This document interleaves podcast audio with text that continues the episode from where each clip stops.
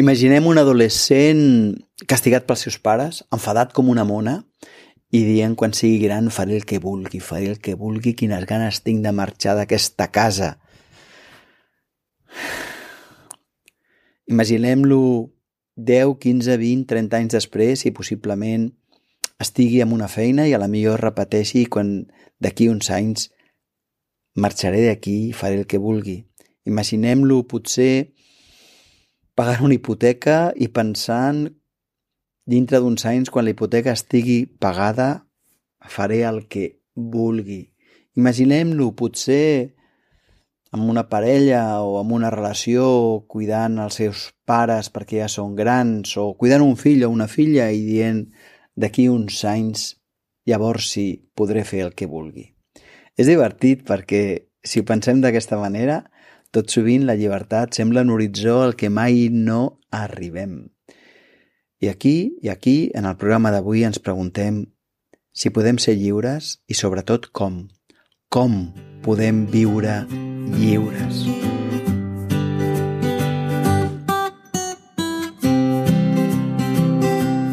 Benvingut, benvinguda al Quadern del Xerpa, un podcast en català sobre autoconeixement, creixement personal i espiritualitat pràctica que busca certa útil. El meu nom és Daniel, Daniel Gavarró, i desitjo nutrir-te interiorment, abordant aquests temes amb senzillesa, però sense renunciar a la seva profunditat. Gràcies per ser aquí.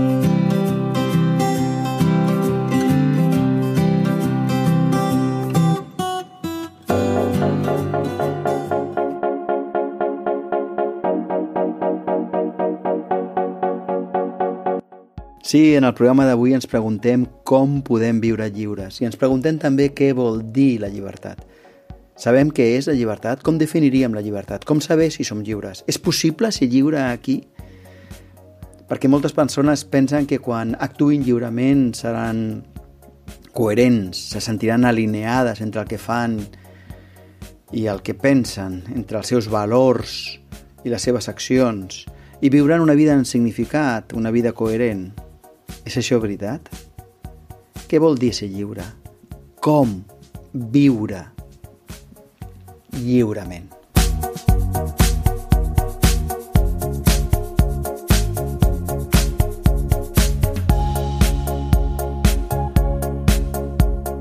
Moltes persones pensen que ser lliure és actuar el que, fer el que, el que em ve de gust. Seré lliure com faci el que em ve de gust, però, ja que, però encara que aquesta és una creença social molt estesa, jo crec que és, és falsa, és errònia, és mentida, ens porta per un mal lloc. Si nosaltres creiem que serem lliures quan fem el que vulguem, en realitat ens farem esclaus dels nostres sentiments. Ens farem esclaus de les nostres emocions. No, jo no seré lliure quan faci el que vull, perquè llavors seré esclau del que desitjo, del que vull, del que necessito. Jo seré lliure, en tot cas, quan faci el que hagi decidit. Si no, fixeu-vos, en un cert moment, per exemple, jo em comprometo a fer una carrera i una carrera, una carrera universitària, uns estudis, i de cop i volta fa un dia fantàstic i vull anar a la platja i, oh, sí, per favor, quines ganes, quines ganes tinc d'estirar-me la sorra i de tirar-me a l'aigua, ah, sí, però demà tinc examen. Jo vull anar a la platja i tanmateix allò adequat és decidir quedar-me a estudiar fins que m'ho sàpiga. Per tant, és un absurd pensar que fer el que jo vull és ser lliure. En tot cas, seré lliure quan jo faci el que he decidit. Però clar, això planteja un altre problema greu. Un altre problema greu és realment decideixo jo la meva vida? Un dia prometo fer un programa, un podcast sobre l'ego en profunditat, però Ara permeteu que faci servir aquest concepte d'una forma que encara no l'hagi explicat amb prou profunditat amb aquest podcast. Però mentre jo visqui dins de l'ego, és impossible ser lliure. I ho explico d'una forma molt senzilla. L'ego és aquesta programació, són aquestes idees, són aquestes mm, mecanicitats que m'arrosseguen. i que existeixen i que són un fet. I ara t'ho demostraré. És a dir, quan, quan jo m'enfado, jo no he decidit enfadar-me, simplement l'enfadament em posseeix. Quan estic nerviós, jo no he decidit posar-me nerviós. Els nervis em posseeixen. Quan m'impaciento, quan estic de mala lluna, quan em vull posar a dormir però no m'adormo ni a la de tres. Tot això no ho faig perquè jo vulgui. Simplement apareix a la meva vida perquè els sentiments, perquè els pensaments em posseixen, em manen i jo, i jo no puc decidir a la meva vida tan lliurement com jo vull. I això és l'ego. L'ego és aquesta programació, és aquest mecanisme, és aquesta mecanicitat, aquests desitjos, aquestes pors que fan que a la vida jo actuï d'una forma determinada encara que jo no vulgui. És a dir, mentre jo no, no hagi fet un treball interior, mentre jo no faci una neteja profunda, mentre jo no faci una, un, un, un, prof, un, un profund procés d'autoconeixement i de neteja interior, la llibertat és impossible perquè jo no podré escollir, decidir la meva conducta perquè simplement la meva programació decidirà per mi i això ho veig tan clar com l'aigua moltes vegades veig persones a les que dic ara veuràs, ara veuràs, ara farà això i pimba, ho fa. Clar que ho fa. Ho fa perquè fa anys que ho fa, ho fa perquè és víctima d'aquesta programació. Així que, males notícies. Nosaltres no serem lliures fins que no puguem governar la nostra ment, fins que no puguem governar el nostre psiquisme, els nostres pensaments, fins que no governem allò que passa dins nostre, els nostres sentiments. I, lamentablement, la gran majoria de les persones adultes encara ni tan sols s'hi han posat, ni tan sols han començat a intentar governar, manar dintre del seu psiquisme, ni tan sols saben quins passos han de fer, com ho han de fer, per la qual cosa, per la gran majoria de les persones, la llibertat és una quimera. Sí, la llibertat, tal com s'entén socialment, és un somni de l'ego. Però la pregunta, la pregunta és, si supero l'ego, podré ser lliure? I em sembla que la resposta tampoc t'agradarà.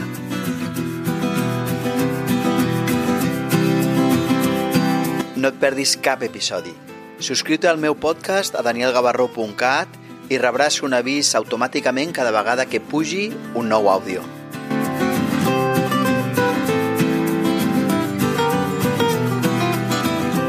Perquè si jo supero l'ego, si en un cert moment governo la meva ment, si governo els meus pensaments, les meves, les meves emocions, si jo sóc capaç de no caure en la programació, en la mecanicitat de la que fins ara he estat esclau, seré lliure? I, I la resposta és no. La resposta és no, perquè mira, si ser lliure significa decidir les meves respostes, escollir la meva resposta, decidir el que faig, la paraula decidir implica que d'alguna forma estic escollint entre diverses coses. Però això és mentida. Jo no puc decidir entre diverses coses. Un cop que he descobert la veritat, un cop que he descobert l'amor, un cop que he descobert els meus valors, no puc no expressar aquests valors, no puc no expressar la valoració, l'acceptació, l'agraïment. No puc. No puc, és absurd. Jo vull fer-ho. Un cop que he après a estimar, no vull no estimar. Un cop que he entès que l'amor dona sentit a la meva vida, no vull sinó només omplir d'amor la meva vida, perquè sé que això és el que és bo per mi. I no vull fer una cosa diferent. No puc escollir una cosa diferent. Algú es menjaria verí podent menjar una poma, podem menjar menjar normal. És absurd. Quan, si tu si tu has descobert el que és bo, no pots escollir una cosa que no sigui bona. Què estic dient, en realitat? Estic dient que un cop que superes l'ego només pots actuar des de l'amor. I en aquest actuar des de l'amor no hi ha cap escollir. Per tant, vist des d'aquesta perspectiva, no hi ha cap llibertat. Imaginem una persona, jo que sé, imaginem a Buda, per posar un exemple. Imaginem un Buda. Un Buda que és pura comprensió i és pur amor. Pot escollir agredir? Pot escollir maltractar? Diu, no, no ho escollirà. No ho escollirà. No és lliure. Per què? Perquè el mateix concepte de llibertat és un concepte de l'ego. És un concepte de persones que encara no dominen, no governen la seva ment. A partir del moment en què comences a governar, a dominar la teva ment, te n'adones que l'única cosa que has de fer és seguir la veritat, és seguir l'amor. La veritat us farà lliures, deia Jesucrist. Però un cop que la veus, no hi ha una altra cosa. No pots escollir una altra cosa. Pretendre que esculls és absurd. I és clar, això ens porta això ens porta a una reflexió interessant i diferent sobre el que vol dir viure lliure.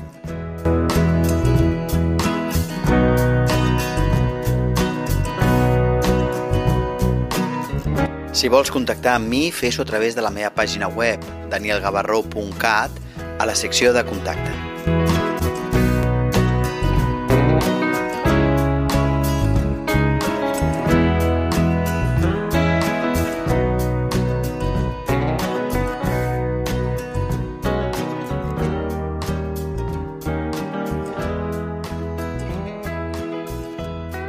afirmar que nosaltres un cop que governem la nostra ment i hem descobert l'amor, ja no podem actuar d'una altra forma diferent que no sigui estimar, ens porta a un lloc molt interessant.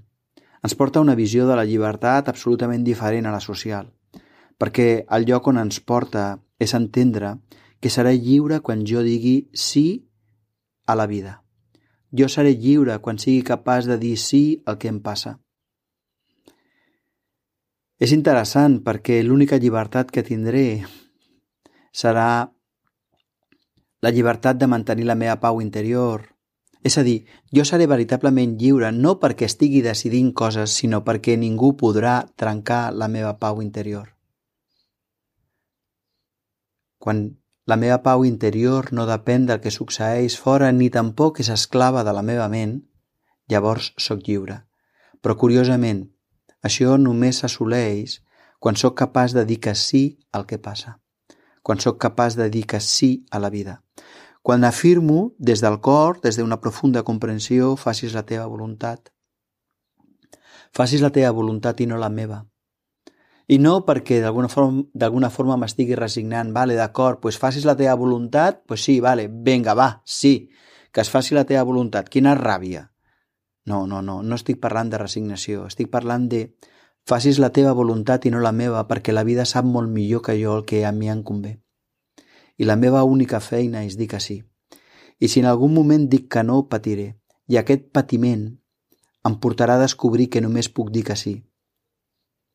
I això m'aproparà cada vegada més a aquesta llibertat interior que en realitat és una comprensió en la qual la meva pau interior mai no es trenca.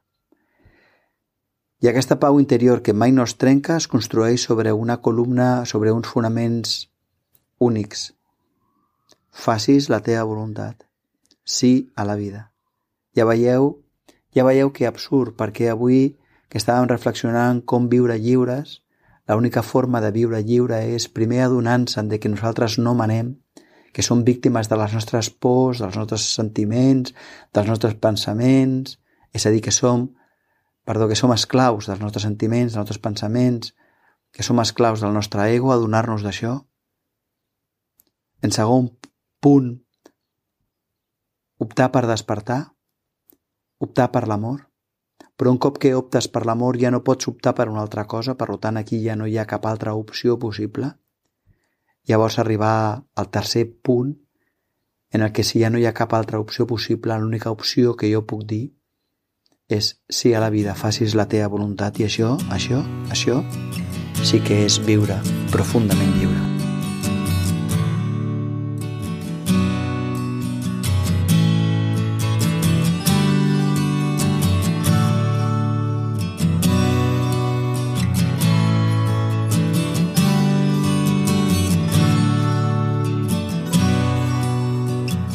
I si vols proposar algun tema per un futur episodi, fes-me arribar la teva proposta a través del correu electrònic que trobaràs a la meva pàgina web a danielgavarro.cat a la secció de contacte.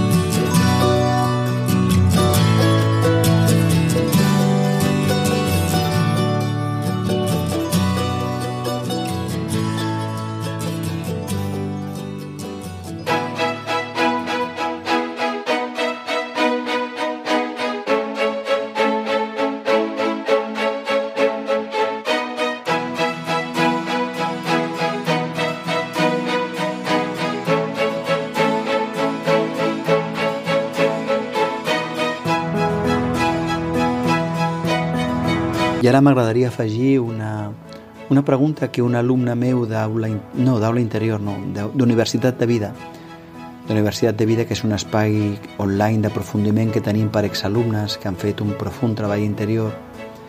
En un cert moment, quan vaig preguntar quines són les, les idees, les frases que més us ajuden a, a, a, a anar governant i anar mantenint la vostra, el vostre psiquisme, sota el vostre govern?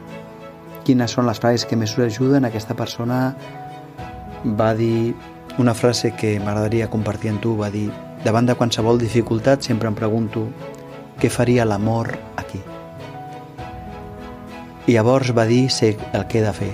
Llavors no he d'optar, no he d'escollir res, simplement he de fer el que he de fer, he de dir sí a la vida. Perquè si això és el que faria l'amor, també és el que vull fer jo.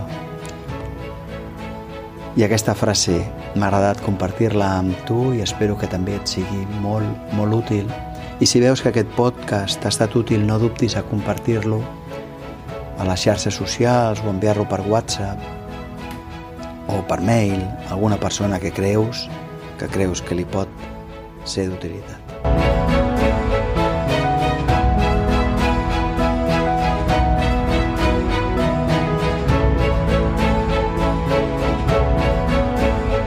Tant de bo aquest capítol t'hagi estat útil. T'envio una forta abraçada i et desitjo el millor. I recorda, aprofita tot el que passi per descobrir-te. Si vols, ens veiem dintre d'una setmana. Ah, i saps que pots seguir-me a danielgavarró.cat i també a facebook.com barra gavarrodaniel i a youtube youtube.com barra Daniel